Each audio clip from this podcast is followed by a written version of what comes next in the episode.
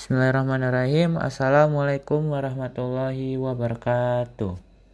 Perkenalkan nama saya Aulia Kamal NIM 2005764 dari KFOB.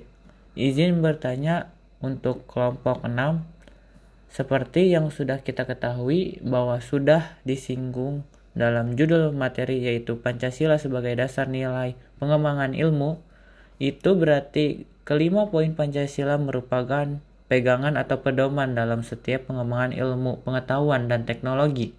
Bisakah dari teman-teman sedikit menjelaskan apa yang menjadi landasan yang paling utama untuk pengembangan ilmu menurut sila pertama dalam Pancasila?